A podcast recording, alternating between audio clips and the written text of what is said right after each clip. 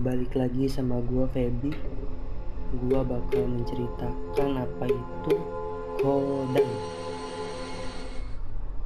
Kodam itu jin yang ada di dalam diri kita yang menyerupai kita dari mulai akhlak, perilaku, sifat negatif ataupun positif.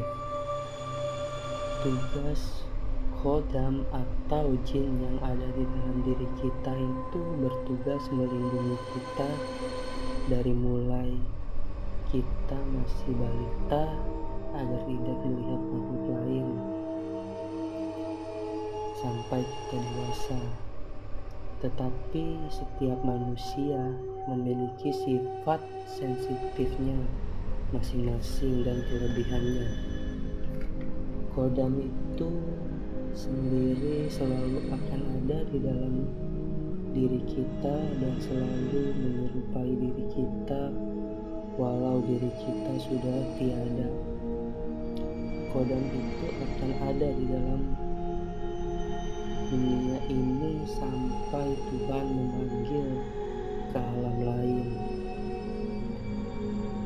Ketika kita akan dipanggil oleh Yang tujuh hari sebelum kematian kita tugasnya kodam di dalam diri kita memberitahu saudara atau keluarga yang berada jauh dengan kita. Entah mulai dari mimpi atau berwujud seperti kita dan memberi energi yang bertanda tanya.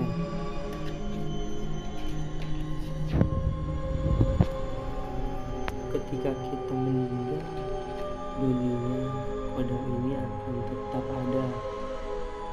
Di dunia dan merasakan yang terjadi di dalam alam kubur.